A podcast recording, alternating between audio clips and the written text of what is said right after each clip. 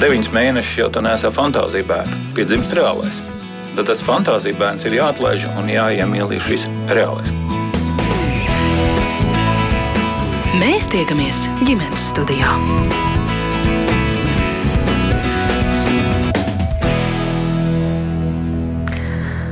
Labdien, sveiciens visiem ģimenes studijas šīs dienas rādījuma klausītājiem. Mans vārds ir Agnēs Linka, un šī rādījuma producente ir Sarmīta Kolāte.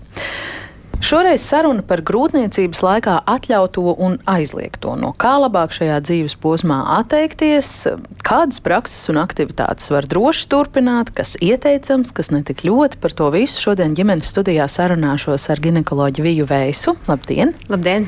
Un arī vecmāti Lindu Veidemanu sveicināti! Labdien! Arī jūs klausītāji, kā vienmēr, esat aicināti pievienoties šai sarunai. Ja rodas kādi jautājumi, klausoties šeit speciālistu teiktajā, tad uh, esat laipni aicināti aicināti izmantot iespēju rakstīt redzējumam ģimenes studiju no Latvijas radio mājaslapas. Un tad jau arī jūsu teiktais vai kādi komentāri vai kādi jautājumi tiks iekļaut šajā sarunā. Bet eh, sākt es gribētu ar tādu vienkāršu un varbūt diezgan vispārīgu jautājumu, kas ir tas, ko jūs atbildat savām pacientiem, tad, kad uh, sieviete atnāk pie jums, un droši vien tā ir viena no pirmajām vizītēm, kad izskan šis jautājums. Ko, ko man tagad mainīt savā ikdienā un sadzīvē? Kas man ir jāpielāgo, ko es drīkstu un ko es vairs nedrīkstu?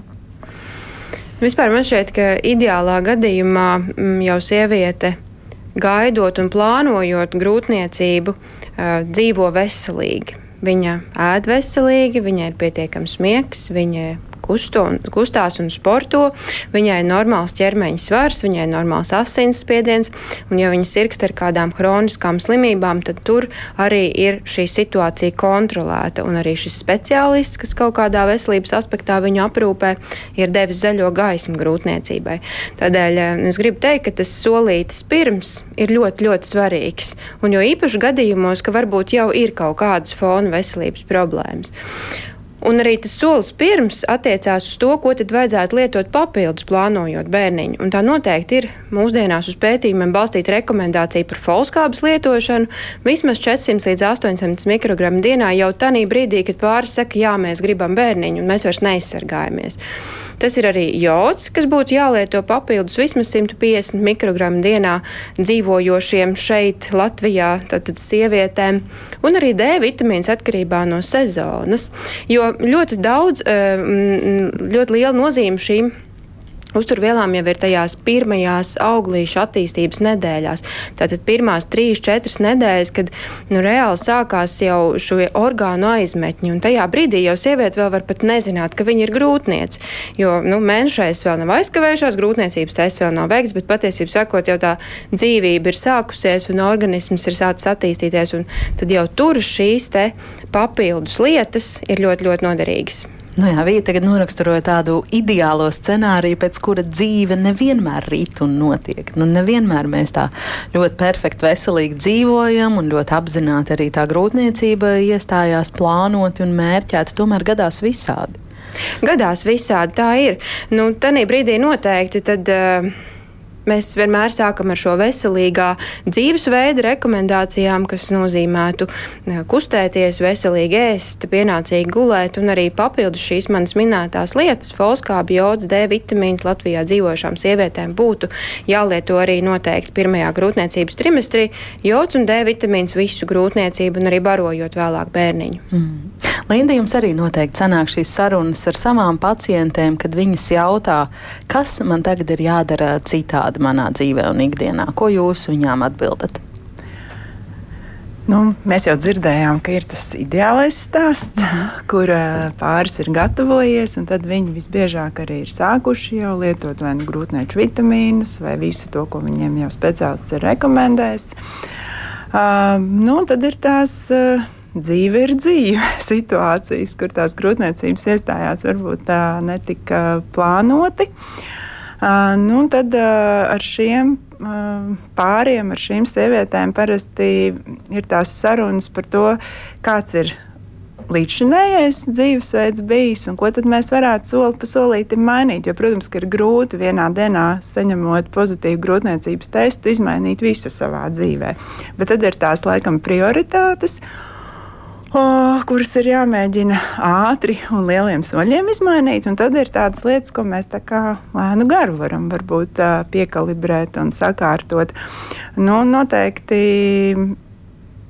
tie pacienti, kas atnāk un saka, jā, bet es nezināju par uh, grūtniecību, un bija jaunā gada balīte. Un, Klasika, uh, jā, un uh, mēs, viņ, mēs svinējām to, ka ir iestājies jaunais gads. Un, uh, svinējām visādi svin cilvēki jā, šo notikumu.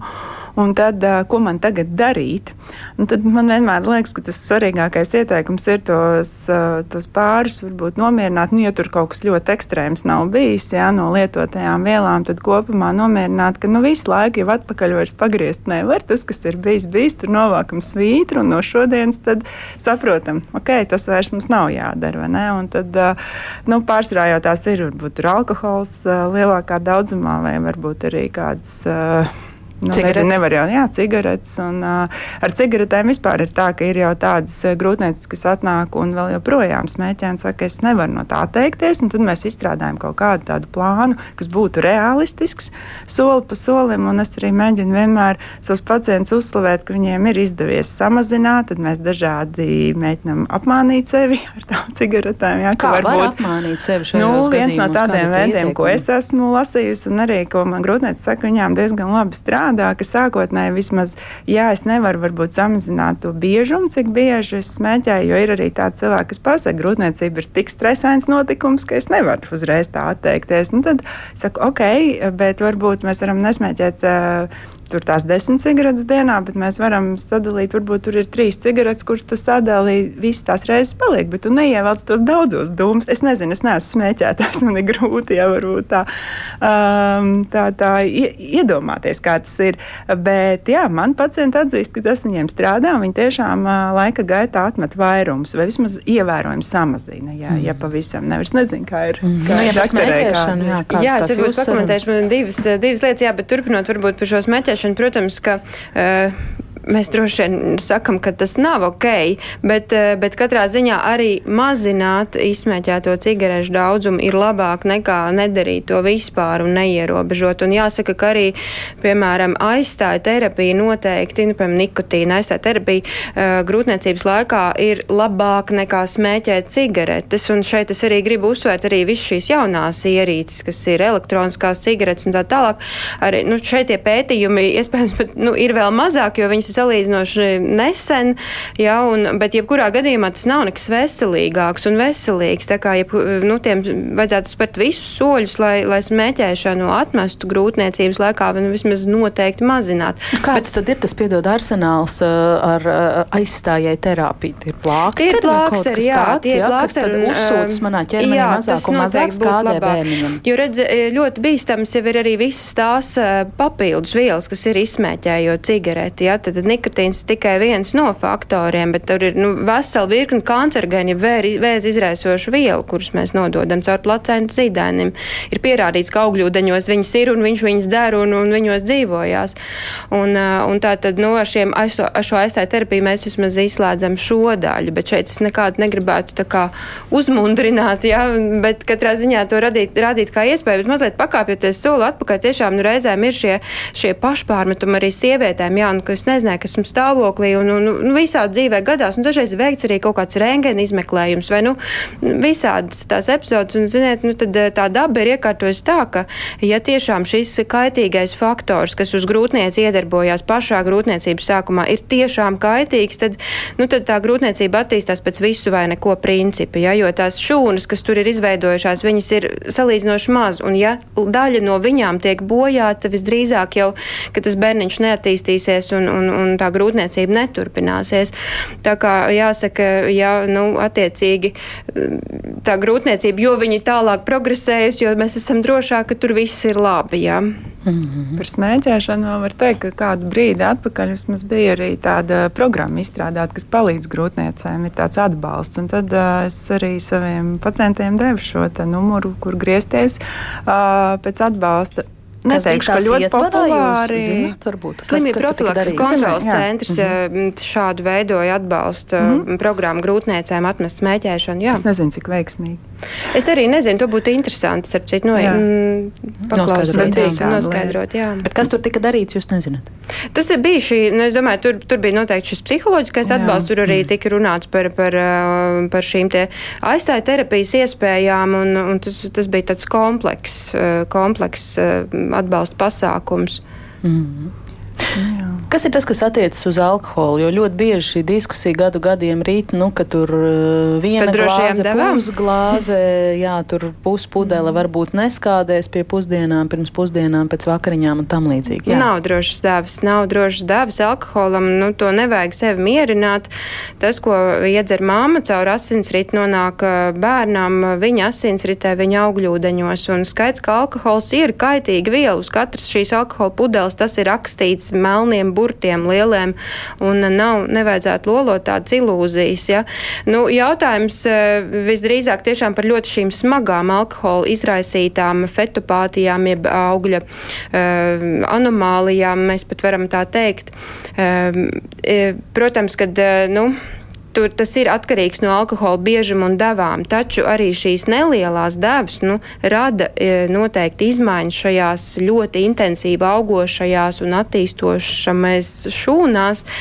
Un, e, nu, un es, es arī tādā reizēm domāju, nu, tad, tad vai nu šis bērns eh, varēs mācīties uz labu un teicamu un iestāties augstskolā un aizstāvēt maģistru, vai dēļ tā, ka mamma varbūt ir sevi lutinājusi regulāri ar, ar, ar glāzi vīna, nu, viņam būs jāņem privātu skolotāju. Vai, nu, tas, protams, tas nav vienīgais tas, iemesls, bet tas ir tā, nu, to jau mēs tā īsti nekad nevarēsim salīdzināt. Ja? Turklāt es gribu teikt, ka ir jau arī nu, sievietes, kas nelabprāt runā par šādām lietām, un nevienmēr mēs arī speciālisti pajautājam, cik jūs bieži un daudz lietojat alkoholu. Mums kaut kā a priori šķiet, ka nu, šeit jau viss ir kārtībā, bet, bet dažreiz jau tā nav. Uh, un tādēļ uh, nu, arī tas pats jautājums par smēķēšanu. Ne visas sievietes uzreiz tā nāks un stāstīs, ziniet, man tāds netikums, un tad reizēm vispār tu pie šī jautājuma vispār tiec, ka tu jau esi kaut kādu daļu grūtniecību ar viņu kopā vērojis un, un aizvadījis. Jā. Mm -hmm. Par alkoholu, jā, drošajām, nedrošajām devām. Jā, noteikti, jautājumu uzdot uh, par smēķēšanu, par alkoholu, par narkotiku vielu lietošanu pirmā vizītē ir vērts un pilnīgi droši, ka mēs uh, labāk un atklātāk atbildes sagaidām, ja mēs to varbūt savu kaut kādu nostāju uzreiz un to savu negatīvo attieksmi neizrādām, bet tad, uh, saņemot to atbildi, tomēr uh, pārunājam, ka šīs būtu tās lietas, ja nav daudz lietu, ko, no, ko grūtniecībā galīgi pateikt nē, un šis ir aizliegts, nu, vai ne, alkohols, smēķēšana, narkotikās vielas, un tad, no, jā, un tad vēl viens no aizliegumiem - nepasterizēt piena produkti, jā, un jēla gaļa un. Uh, Pārējo visu jau īstenībā grūtniecībā var darīt. Un tad, ja ir tik maz to aizliegumu, nu, varbūt to mēs varam pārunāt un izrunāt, ka tās tās lietas, kas tiešām ļoti nopietnas sekas atstāja, un varbūt tie deviņi mēneši ir tas laiks, ko var pamēģināt no tā atteikties. Jā. Jā, par pārtiku runājot, jau mūsu klausītāja Edīta uzvedina, viņa vaicā, vai šobrīd speciālistiem ir vienots viedoklis par svaigu lasi. Agrāk, kad gaidīja pirmo bērnu, neieteica suši, taču tas lasis taču parasti ir ticis iepriekš saldēts. Jā, tā ir absolūti taisnība. Svaigas zivis eh, neiesaka grūtniecības laikā lietot, taču, ja tas ir bijis sasaldēts un atsaldēts produkts, tad uzskata, ka šie parazīti ir gājuši bojā un ka viņi eh, nu, tā zivtiņa neapdraud grūtnieci. Jā, tas, tas viedoklis ir tāds, kā jums klausītāji min. Mm -hmm ja viņi droši zina, ka tā ir, tad ja tas ir sasaldēts. Bet ar ziv, par zivīm varbūt paturpinot, eh, jāsaka, ka zivis tiešām būtu rekomendējams lietot uzturā vismaz divas, trīs reizes nedēļā. Tas ir viens no tādiem produktiem, kas ir svarīgs gan šī paša joda kontekstā, gan omega-3 augstskābju kontekstā. Par zivīm svarīgi būtu zināt, ka tā tad nēst viņas jēlas un arī censties izvēl, izvēlēties tādas zivis, kurās varētu būt mazāk šis piesārņojums, kas ir ar dzīves dzīvesudrabu saistīts. Un tās, nu, tāds princips varbūt vienkāršāks ir tad lielās zivis, kas dzīvo ilgāk, arī uzkrāja dažādus šos te e, piesārņojuma smagos metālus, un no tām tad vajadzētu izvairīties arī šī dzīvesudraba kontekstā, nu, piemēram, zobenzivs un haizivs, un starp citu arī tuncis, ja, tunci nevajadzētu īpaši bieži ēst. Nu, bet e, visas mazās zivtiņas, kas Latvijā mums ir ierastāk, tajā skaitā arī lasis, arī forela, arī pat, ja tas ir mākslīgajās audzētavās audzēts, termiski apstrādāts vai saldēts, atsaldēts, ir, ir ļoti labs un vērtīgs. Mm -hmm. Pie šī vēl kas piebilstams? Nē, nav pilnīgi piekrīt teikt. Ko jūs pieminējāt vēl saistībā ar to nepasterizēto pienu? Jā, nepasterizētiem piena produktiem kopumā. Visi pūdētie sieri, svaigie sieri, kas ir nepasterizēti. Bet tas nenozīmē, ka nevar lietot eh, tos pašus Filadelfijas vai kārums svaigos sierus. Tie visi nāk no rūpnīcas, viņi ir pasterizēti. Princips, eh, kā es savām eh, pacientiem skaidroju, ja tu aizbrauc uz laukiem un tev vecai mammai vēl ir govs un viņi izslauc govi un noliek krūzītē pienu, tad tu tādu pienu dzert nedrīkst. Tāda ir rekomendācija. Uzliec uz plīts, lai uzmet burbuli, un tad tu viņu var dzert. Mm. Nu, principā ir tas, tā ir jā. viss ar piena produktiem, un olas arī tā skaitā. Dažām valstīm tās rekomendācijas par olām atšķirās, jo viņiem tur kaut kāda audzēšana tiek citādāk kontrolēta, bet es domāju, es maz neesmu lasījusi, ka Latvijā tā būtu. Tā kā es ar olām arī esmu piesardzīgi, jēlas olas. Uh, nu, ar jālām olām aizrauties īsti neiesaku. Mm -hmm. Kas ir tas, ar ko mēs šajā gadījumā riskējam, no kā mēs baidamies? Olas ir salmonella. Jā, jā. ar pienproduktiem listeriozi saistīta infekcija. Tad, tad, kur grūtniecis ir nu, savā ziņā uzņēmīgāks pret infekcijām dažādām lietām, jo viņu imūnā sistēma strādā mazliet savādāk. Mēs nevaram īsti teikt, ka viņi ir novājināti, bet viņi ir teiksim, tā modificēta. Ja? Un, un tādēļ ir infekcijas slimības, pret, nu, un vispār pret infekcijas slimībām grūtniece ir uzņēmīgāka, un tādēļ ir šie īpašākie piesardzības pasākumi jāievēro. Mm -hmm. Jānis jautā, cik grūtniecības laikā būtu nepieciešams uzņemt kvalitatīvu olbaltumu, vai pareizs ir kritērijs 1,2 grami uz kilograma svara? Ārprāts, nu, šis ir formulas cienīgs jautājums. Noteikti neesmu uzturs speciālists. To noteikti var atrast tabulā, kādā es, es atļaušos. Es, ne, es nezinu precīzi. Es, es Kvalitatīvs nu. obaltums, nu jā, nu teiksim, ja tur uh, grūtniecis svēr, es nezinu. 50, nu, zin kā, arī, bet kilogram, es, tad... nu, mani kā uztura, teiksim tā, ne speciālistu, bet kā ginekologu, uh, man laikam patīk tvērt lietas kaut kā vienkāršāk un saprotamāk. Un tādos, tādos tā kā produktos, kad es zinu, ka šis ir veselīgi un es varu izstāstīt arī grūtniecei. Tātad, nu, kas būtu svarīgi? Jā, tāpēc es tagad izstāstīšu, kā man šeit saprotam. Lindas priecāšos papildinās, bet nu, tātad, nu, pamatos, tad nu, šis veselīgais uzturs reizēm tas šķiet kaut kas tāds netverams un nesaprotams. Nu, kā tad tur lūdzu, cik gramu olbaltumvielas, piemēram, uz manu kilogramu svaru man šodien, jā, nu, ļoti sarežģīti. Manā skatījumā ļoti sarežģīts jautājums.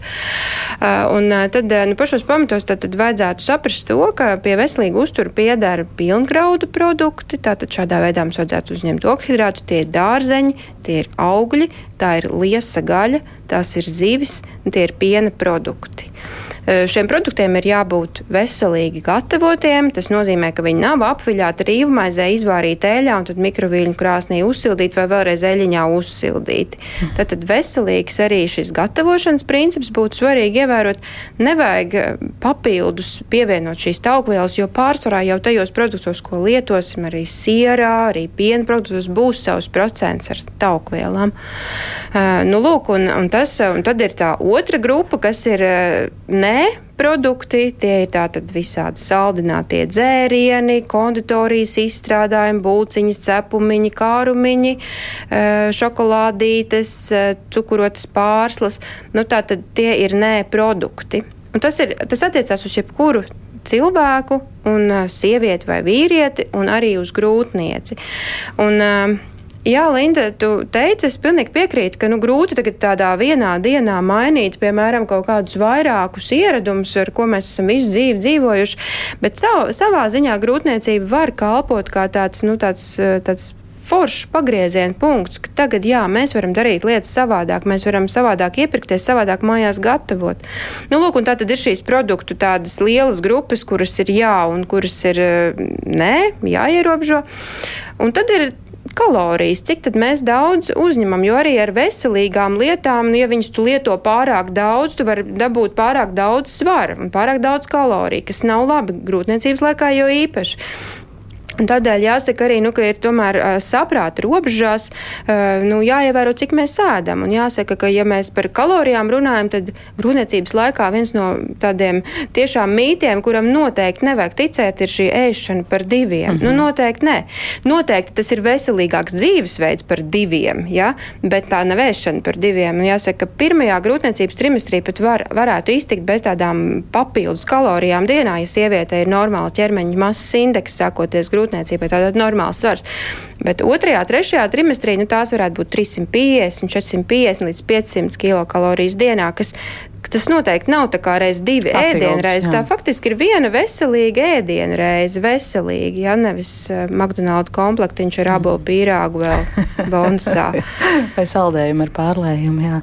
Linda, jā. kaut kas vēl varbūt atbildot tomēr Jānim par, tiem, o, par tām obaltumvielām. Kas tad tu būtu atradi, tas? nē, nē, es neatradu. Es vienkārši sareizināju, ka, ja vidēji, piemēram, sievietes var 60 kg, nu, tad tie būtu 72 grami pēc viņa formulas. Tas. Kas būtu tas veids, ka, nu, ja man, piemēram, tagad būtu jautājums, esmu grūtniece, bet zinu, ka vajag daudz olbaltumu uzņemt. Kā jūs man ieteiktu to mm -hmm. darīt? Ir tādi visādi produktu kalkulatori, kas ir ļoti vērtīgi, kur ir ne tikai, teiksim, cik kalorijas ir vienā ceptā olā vai cik kalorijas ir vienā vistas filējā, bet arī par proteīnu par, par ogļhidrātiem ir šis saturs. No olbaltuma lielisks avots ir olas, piena produkti, gaļa, vistas gaļa, zivis. Ja, šie ir lieli, lieliski proteīna avoti, un tie arī noteikti tie tajā grupā, ko es minēju, kas būtu jālieto. Ja. Pākšaugi arī. Pākšaugi. Jā. Uh, nezināšu arī formulas, bet um, tad, kad mēs runājam par uzturu, man liekas, ka ir arī jāatgādina grūtniecēm, ka olbaltumvielas tiešām ir tas pamats, no kā principā arī šūnas būvējās.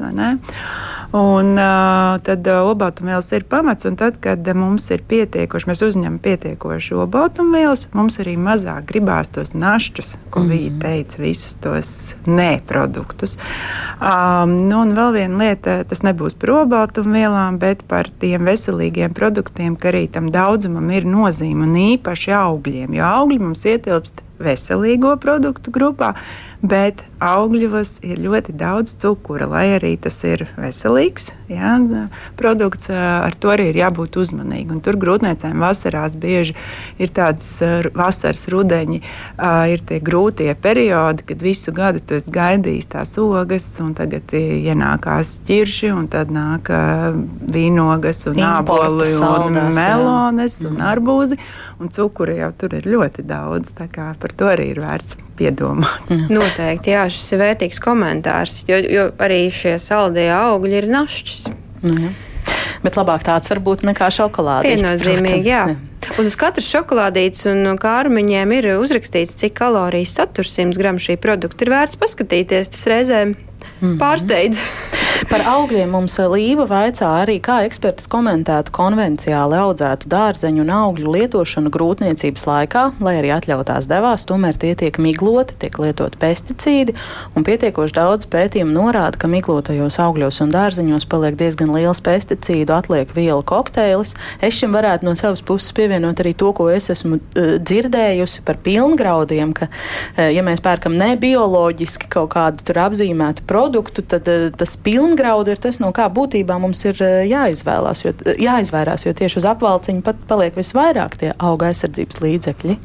Vai jums par tas šo ir viedoklis? Droši vien, ka tāds grots jautājums, jo gribās jau ticēt, ka uh, gan mūsu valstī, gan Eiropā ir kaut kādas. Uh, instances, kuras kontrolē to veselīgumu. Un diez vai mēs, sēžot savos kabinetos, varētu tā izvērtēt. Bet kopumā, protams, ka visa lietotā šī smagā ķīmija, viņi nav lietoti pareizi un saskaņā ar tiem saviem priekšrakstiem. Vai ja tas ir kokteilis, man tur ir jā, iespējams par to nezināšu, bet uh, ja ir pašam tādas bažas un tie bioloģiskie produkti nav pieejami, tad iespējams, ka tie augļu dārzeņi viens no tādiem risinājumiem, ko, ko vismaz var, ar ko var sastapties uh, informatīvā telpā ir rūpīgi mazgāt un noteikti var mizot, jā, jo mizas tad visvairāk saturēs visu mm -hmm. šo elementus. Tieši tā, ka visu, ko var nomizot, ir labāk mizot. Skaidrs, ka tam auglim, dārzenim, kam ir biezāka miza, viņš būs iekšpusē pasargātāks arī no šīm ķīmiskajām vielām. Nu, jā, lieliski, ja var, ja var savu šo dzīves veidu un ēšanas režīmu mainīt pēkšņi uz iepirkšanos bioloģiski audzētas pārtiks veikalos grūtniecības laikā, nu, tas ir lielisks iemesls, kādēļ to darīt. Protams. Mm -hmm, jā. Kāda topošā māma mums vecā vai tiesa, ka mazulītis sajūt garšas jau esot māmas puncī, tāpēc būtu ieteicams ēst pēc iespējas dažādi, lai bērniņš vēlāk atpazīst dažādus produktus un varbūt māmas mīļo čilī. Jā, mazulīts garšas sajūta, viņam garšas kārpiņas pat ir vēl vairāk nekā jau pieaugušam cilvēkam uz mēles, mm -hmm. bet uh, vai speciāli sev kaut ko likt ēst, lai mazulīts iepazītu garšu, droši vien, ka nē. Nē, nu atļauties ēst jā, to savu mīļo čili. Protams, jā. tas pats arī par krūts barošanu īstenībā, jo tad tas pieniņš garšo savādāk atkarībā no mamma, no tā, ko mamma ēd, un, tad viena teorija ir, ka tad arī bērniņu ir vieglāk sākt piebarot, jo viņš pazīst dažādas garšas, ja nekā tos mazuļus, kas tikai ir maisījumi barot. Mm. Tāda asēdieni nav aizliegta aizliegti grūtniecēm? Nē, ja viņai pašai tas nerada diskomfortu, jo, piemēram, bieži sūdzība varētu būt dedzināšana, ja, un tad barības vada kārinājums, bet ja viņai tādas problēmas nav, tad, tad nē, tas nebūtu ierobežojums. Es atgādināšu, ka ģimenes studijā mēs šodien ar ginekoloģu Viju Veisu un vecmāti Lindu Veidmanu sarunājamies par to, kas ir un nav ieteicams un atļaujams un pieļaujams grūtniecības laikā. Nolasīšu Agatas rakstīto. Šodien forši klausītāji ļoti aktīvi iesaistās, acīm redzot, temats aktuāls. Agata raksta, ka vēlējos dalīties ar domu, pie kuras nonāca grūtniecības beigās. Man bija žēl, ka neizbaudīju pirmo grūtniecību, jo ļoti domāju par to, ko drīkst, ko nedrīkst, daudz ko aizliedzu sev. Kad bērniņš piedzima, viņam bija daudz alerģijas, un tad patiešām uz laiku no daudz kā bija jāatsakās, tad arī nožēloju to, ka grūtniecība pavadīja visu laiku sevi ierobežojot. Man šķiet, ka atļauts ir viss, kas ierakstās pie veselīga dzīvesveida, neko nepārspīlējot, otro grūtniecību izbaudīju daudz mierīgāk.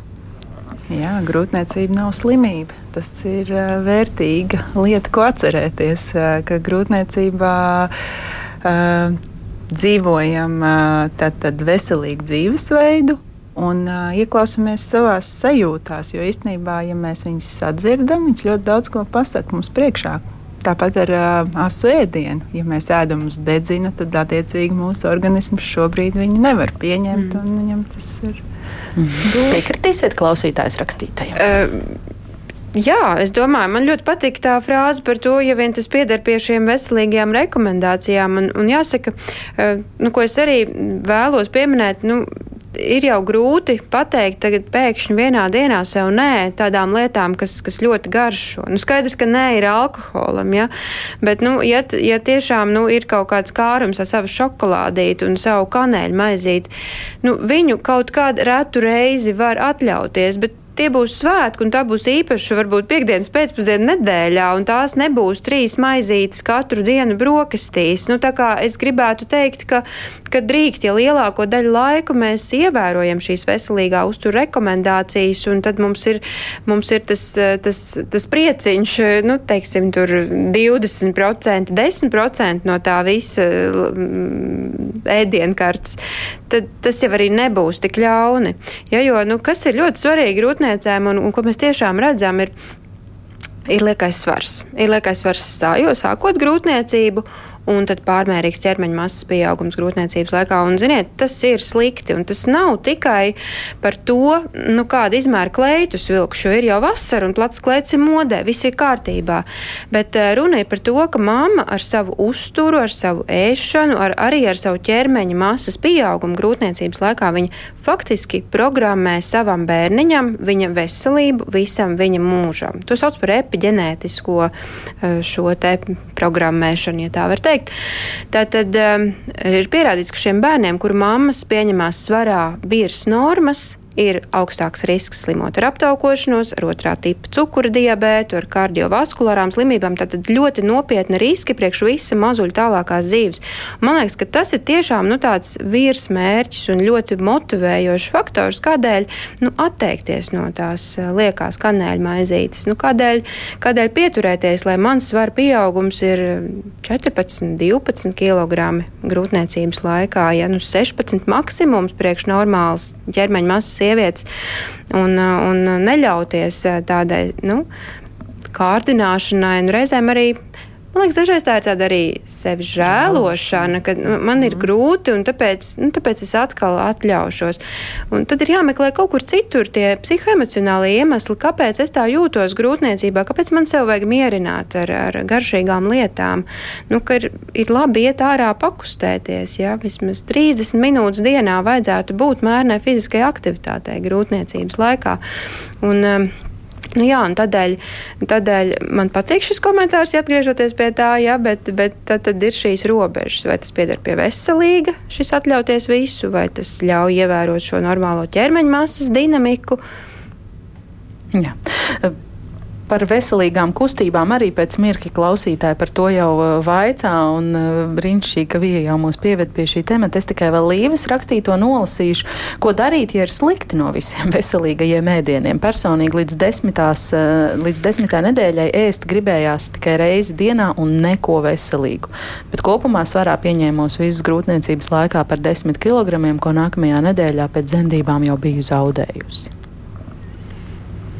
Apetītes trūkums pirmajā trimestrī. Jā, pirmajā slikta trimestrī ir slikta dūša, bieži vien ir uh, grūtnieču vemšana. Uh, un uh, šiem pacientiem, šīm sievietēm ir grūti atrast kaut ko, ko viņas tajā brīdī var apēst. Un tad bieži vien tā ir, ka tās ir neveselīgas lietas.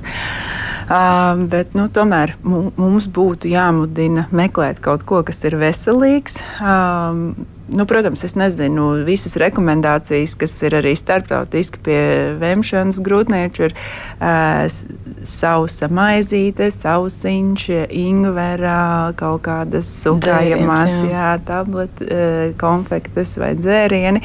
Uh, bet diez vai mēs normāli uzskatītu, ka sausiņš ir veselīgs produkts, vai ne? Bet, tu ja graudu, okay, jā, bet tajā brīdī, kad, kad ir vemšana trīs līdz četras reizes dienā un kaut kas mums tur ir jānotur iekšā, ja izdodas atrast kaut ko, kas turās iekšā, nu varbūt, uh, tajā brīdī tas tik liels kāda nenodara, bet kopumā jau veselīgi uh, šis te neveselīgie produkti arī pie šāda scenārija, ka mēs pieņemamies tikai 10 kg svarā, nenozīmē, ka tas uzreiz dod zaļo gaismu tiem neveselīgiem produktiem. Ne?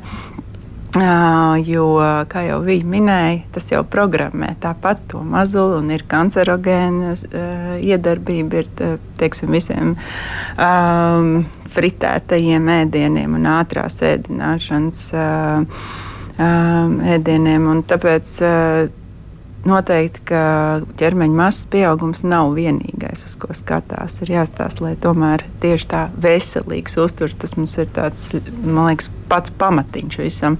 Bet par to grūtnieču vēmšanu un slikto dušu, nu, tā, tā ir. Jā, ja man pacients saka, es neko nevaru iedzert, man pat ūdens neturās iekšā, bet es varu iedzert pa mazai mutītē kādu gāzētu dzērienu nu, ok, nu, labāk ir gāzēts dzēriens, kas ir šķidrums kaut kāds, nekā nekas.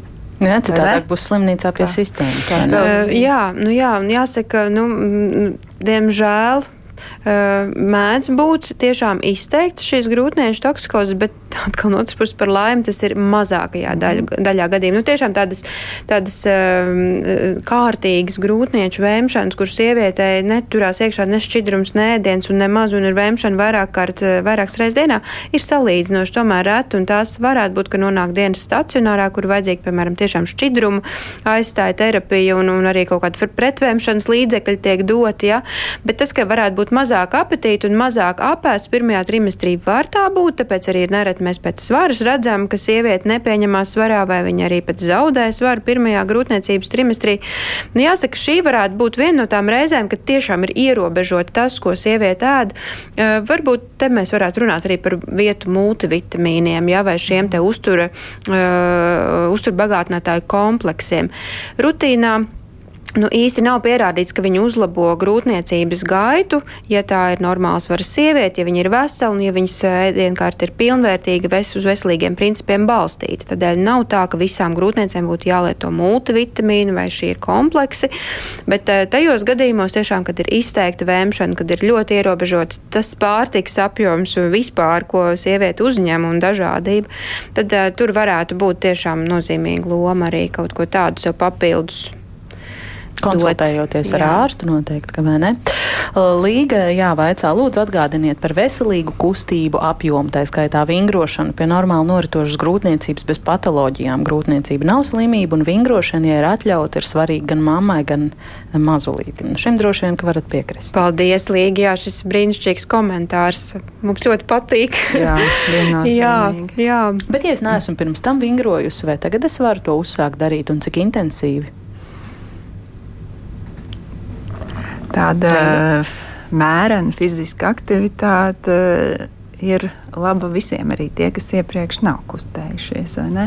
Varbūt nevajadzētu tiem, kas iepriekš nav sportojuši, izvēlēties kādu ļoti specifisku sporta veidu un mēģināt apgūt viņu un sasniegt kādus olimpiskos rekordus grūtniecības laikā.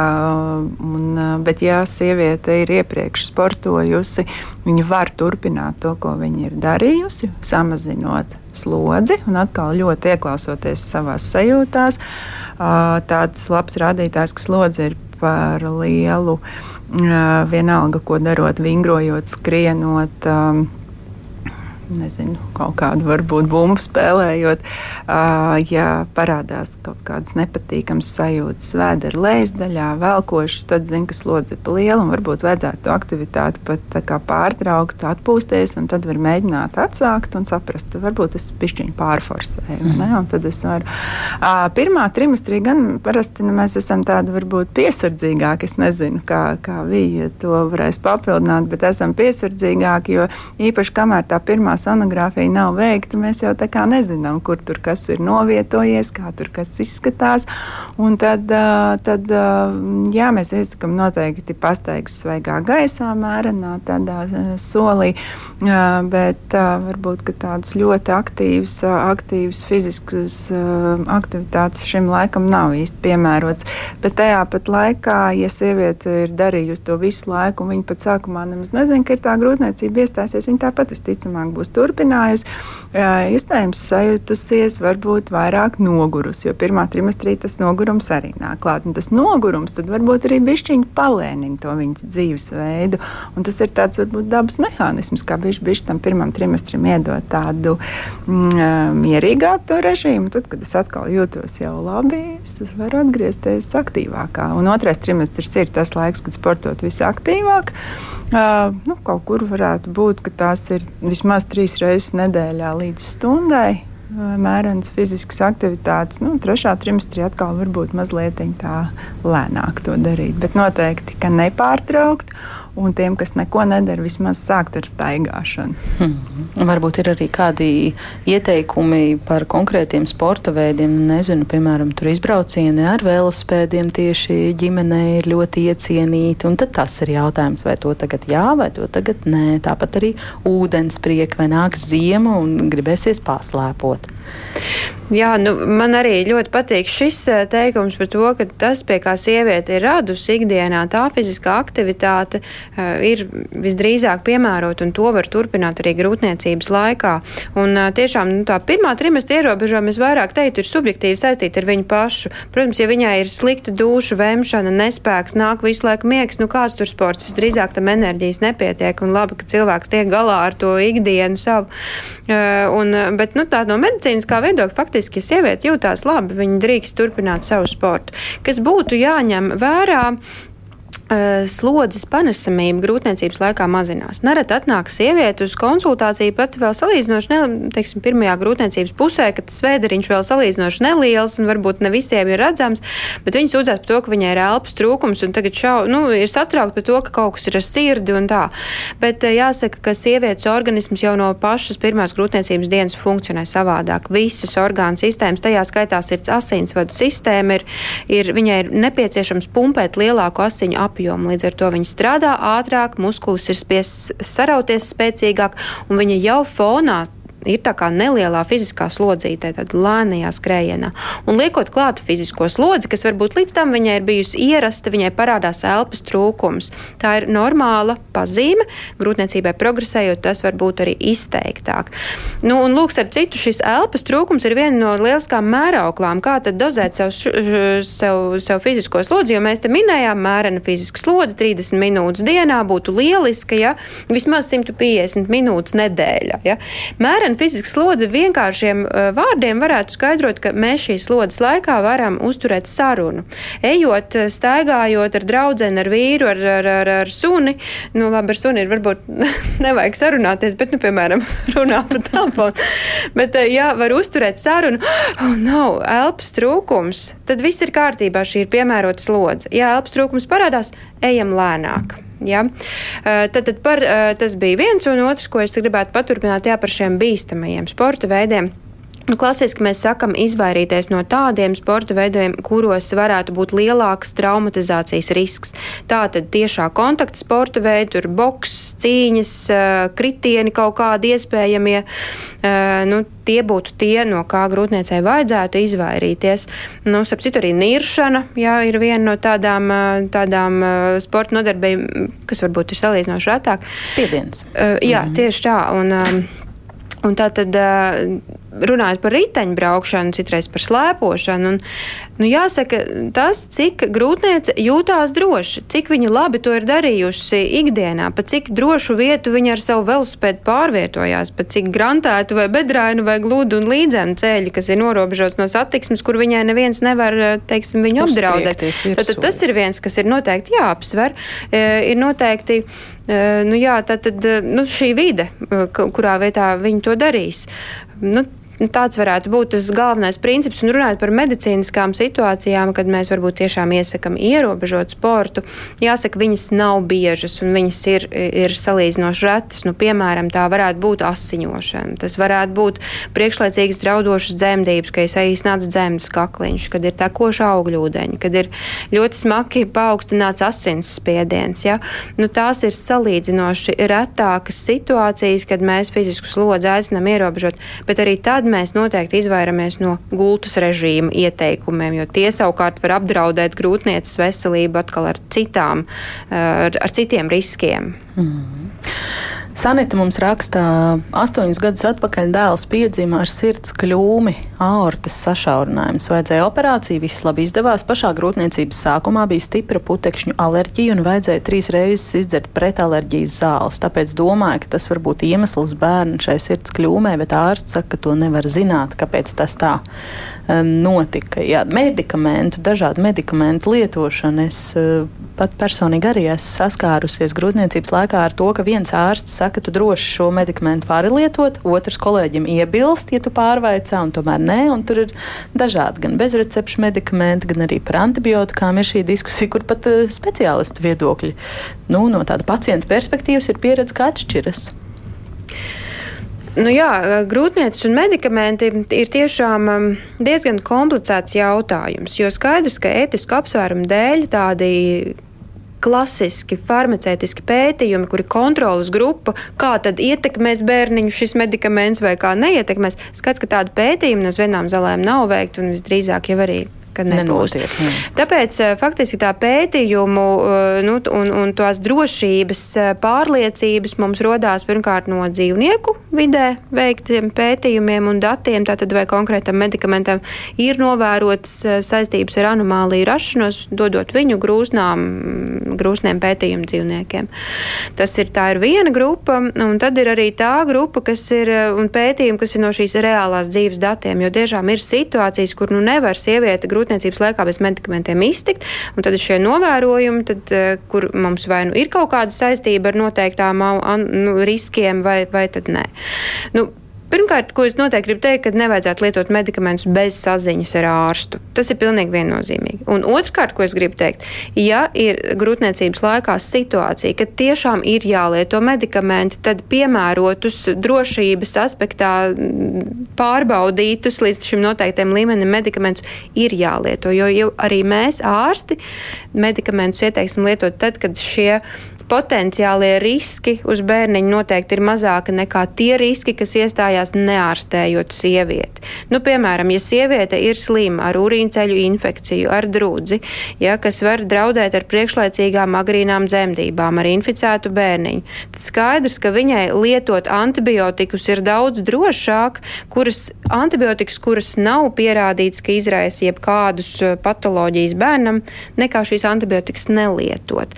Un tādēļ eh, es, es gribu teikt, ka tajos brīžos ir jāklausa ārstam, ir jāklausa speciālistam un ir jāsaprot, ka tajā brīdī tas ieguvums no zāļu lietošanas ir lielāks nekā risks, risks. kuram pakļaujam neārstējot. Šeit varbūt arī vēl papildināšu, ka īpaši, ja ir izrakstītas antibiotikas, tad kurs ir jāizlieto līdz galam, kā ārsts ir nozīmējis. Nevis man palika vakar labāk, es negribēju vairāk nodarīt kaitējumu mazulim, un es viņus pārtraucu lietot. Jā, jo tad mēs īsti, mēs bieži vien iedzīvojamies tajā, ka mums vajadzēs atkārtot ārstēt, un varbūt mums vairs nebūs tik viegli pie, piemeklēt šo medikamentu, kas derētu grūtniecei ārsts ir nozīmējis, tad, tad izlietojam tā, kā tas mm. ir nozīmēts. Un otra lieta - atcerēties, ka tie bezrecepšu medikamenti, kas ir no, brīvi nopērkami aptiekās, interneta aptiekās, tas, ka viņiem nav vajadzīgi recepti, nenozīmē, ka viņi ir droši un lietojami kā, kā, kā pagadās. Kā pagadās mm. ja, kāpēc tas uh, mediķu viedoklis dažreiz varētu šķirties par vienu un to pašu medikamentu grūtniecei?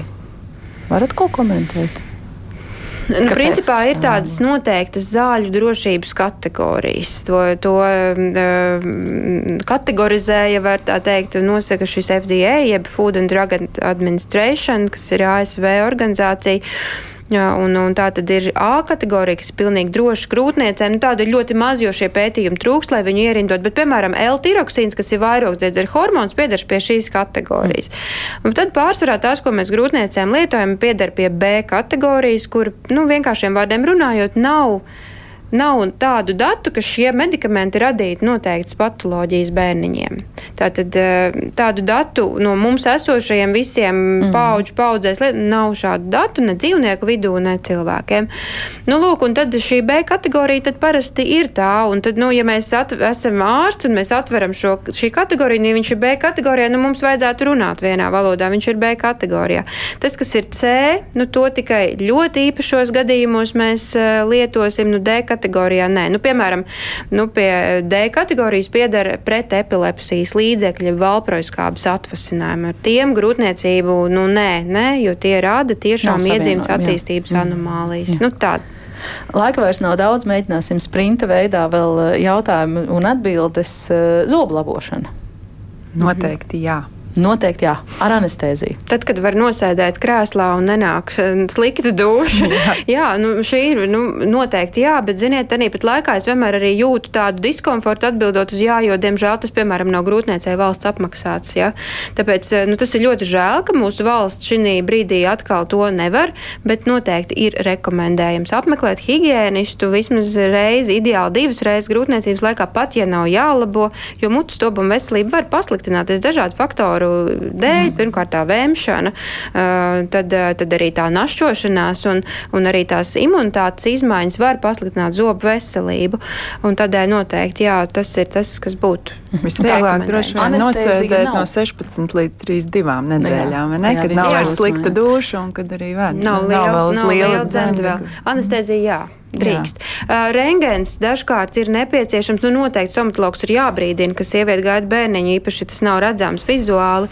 Uh, un, uh, un tad, nu, ja var atturēties no šī izmeklējuma, tad, tad jā, bet īstenībā, ja ir nepieciešams veikt, tad lietojot speciālus tādus svina aizsargus, svina jā. aizsargus arī, arī nepieciešamības gadījumā var veikt, jo neārstēts mutes dobums, strutaini, perēkļi, ja, nu, tas var atkal apdraudēt grūtniecību, jā, arī augļu inficēšanos, piemēram, radīt.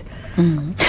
Skaistumkopšana, kosmētika, kosmetoloģija, dažādi krēmi, līdzekļi, matu krāsošana. Jāatcerās, ka viss, eh, viss, ko mēs smērējam uz ādas, um, iziet cauri mūsu organismam. Tātad iziet cauri ādai, iziet cauri aknām. Āda mūsu lielākais orgāns. Orgāns. Jā. Nu, to tā kā paturam prātā, jo laika ir maz. Mēs varbūt tā. Uh, Es nezinu, neesmu lasījusi, bet uh, pēdējās rekomendācijas, ko es esmu redzējusi, man liekas, tās nav mūsu vietējās, bet par visām skaistuma injekcijām, ka grūtniecēm tā kā nē. Mhm. Bija? Jā, jā, nē, jā, es, nē. jā, nē.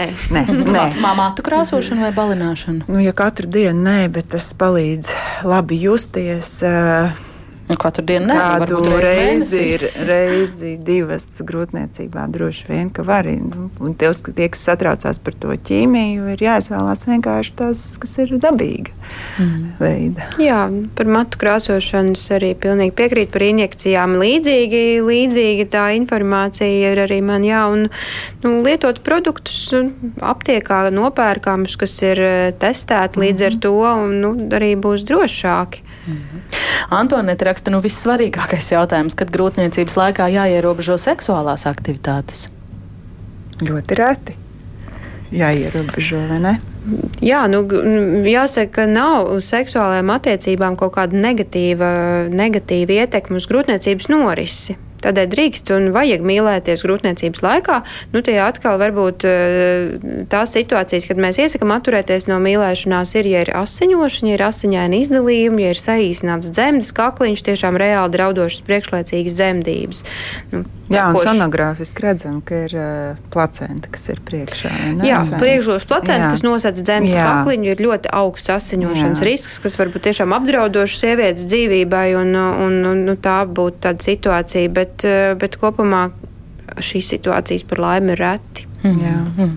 Un visbeidzot, tiešām pāris minūtītes palikušas, bet arī mm, kāda sieviete raksta, ka man doktora iesaka garo klepu spoti trešajā grūtniecības trimestrī un nevar izlemt, ko darīt. Nē, esmu pret potēm, man pašai un manai divgadniecei ir visas, bet grūtniecības laikā gan mazliet bail. Nu, nāk rudens, būs gripas vakcīnas aktuāls. Paldies par šo pot. jautājumu. Jā, šis bija tas, ko es gribēju noteikt par vakcināciju. Tātad uh, vakcinācija note, pret noteiktām slimībām grūtniecei ir droša un ir rekomendēta rekomendējam. Grūtniecis no gripas var nomirt, no covid grūtniecis var nomirt biežāk nekā sievietes bez grūtniecības. Tādēļ šādas rekomendācijas pastāv. Nākotnes sezonai rekomendējams vakcinēties.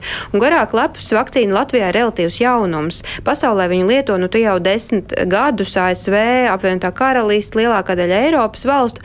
Un šī vakcīna ir domāta ar mērķi pasargāt zīdainīti. Nevis pašas mammas interesēs tik ļoti, bet tātad antivielas, kas rodas grūtnieces organismā, ceļ ceļot cauri placentai pie bērniņa, un viņa cirkulācijā pirmajā dzīves pusgadā padara viņam drošāku dzīvi bez garāk lepus infekcijas. Un Latvijā to apmaksā no pagājušā gada, tādēļ varbūt par to ir mazāk dzirdēts, bet noteikti jā, tā ir ieteicama, droša un vajadzīga vakcīna bērniņa aizsardzībai. Ja gribās vēl papildus informāciju, tad Bērnu Kliniskās Universitātes slimnīcas mājaslapā ir atrodams ļoti labs apraksts par šo materiālu. Par šo, šo kur var lasīt un mm -hmm. iedrošināt nodrošināties, ir tāda vēlme, nu, burtiski varbūt jā vai nē, var pagūt. Um, speciālisti iesaka ceļot, jo tas nesot kaitīgi. Kādā raidījumā tāda informācija esot izskanējusi, bet citu valstu apkopotā statistika ir uh, priekšlaicīga dzemdība un abortu risku uzrāda, ka pieaug par 30%. Nu, šis tiešām tāds jā, nē jautājums. Ir, ir mūsu rīcībā tāda 30%? Ceļot, uh, ceļot prie, principā drīkst rēķināties, jo ir tālāk lidojumi, piemēram, transatlantiskie reisi, viņi ir augstāki un tur ir lielāks radioaktīvais mm. starojums ziņojums, tātad sieviete to saņem nu, vairāk, ja, un ir jāsaprot, kur braukt un uz kādām valstīm braukt un kāda tur būs palīdzība gadījumā, ja kaut kas notiks. Un gadījumā, ja tas bērniņš nāks pasaulē, viņam būs 26 grūtniecības nedēļas, kā mēs rīkosimies. Tādēļ tas tas ir jāpieņem tiešām ar prātu un racionāli šis lēmums par ceļošanu. Izklausās, ka šo dara apdomāt. Jā. Paldies! Par tādu jautājumu un atbilžu tiešām uh, sprintu šodien ģimenes studijā ginekoloģijai Vijai Veisai un vecmātei Lindai Veidmanai. Paldies, ka atradāt laiku un dalījāties ar mūsu klausītājiem šavās uh, zināšanās. Šo raidījumu šodien veidoja Sarmīta Kolāta, Mārtiņš Paeglis un um, es uh, Agnes Link pie mikrofona. Statistika vēsta, ka Latvijā vien ap 20% bērnu ir tikuši zīdīti līdz 6 mēnešu vecumam. Kā to vērtēt, kā veicināt tādu ilgāku zīdīšanu un uh, kā šo visu ietekmē mākslīgā piena maisījumu reklāmas aktivitātes. Par to mēs padiskutēsim ģimenes studijā rīt uz sadzirdēšanos.